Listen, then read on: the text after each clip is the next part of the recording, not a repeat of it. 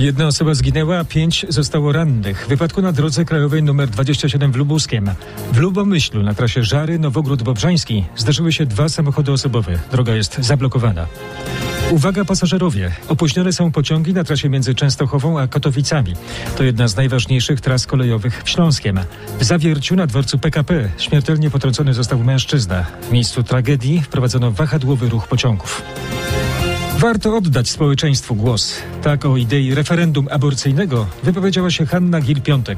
Kazimiera Szczuka przeprowadziła wywiad z posłanką niezrzeszoną w popołudniowej rozmowie w RMFFM.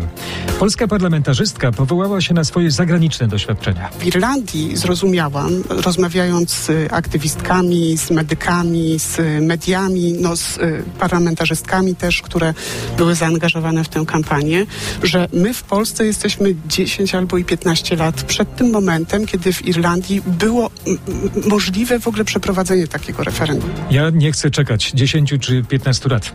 Podsumowuję ten wątek rozmówczyni Kazimiery Szczuki. Cała popołudniowa rozmowa w RMFFM z Hanną Gil-Piątek, posłanką niezrzeszoną, jest już na naszej stronie rmf24.pl. Polecamy gorąco. A o 19 odpowiedź na ważne pytanie, czy upadek amerykańskich banków wpłynie na stan naszych portfeli. Radio, muzyka, fakty. RMFFM.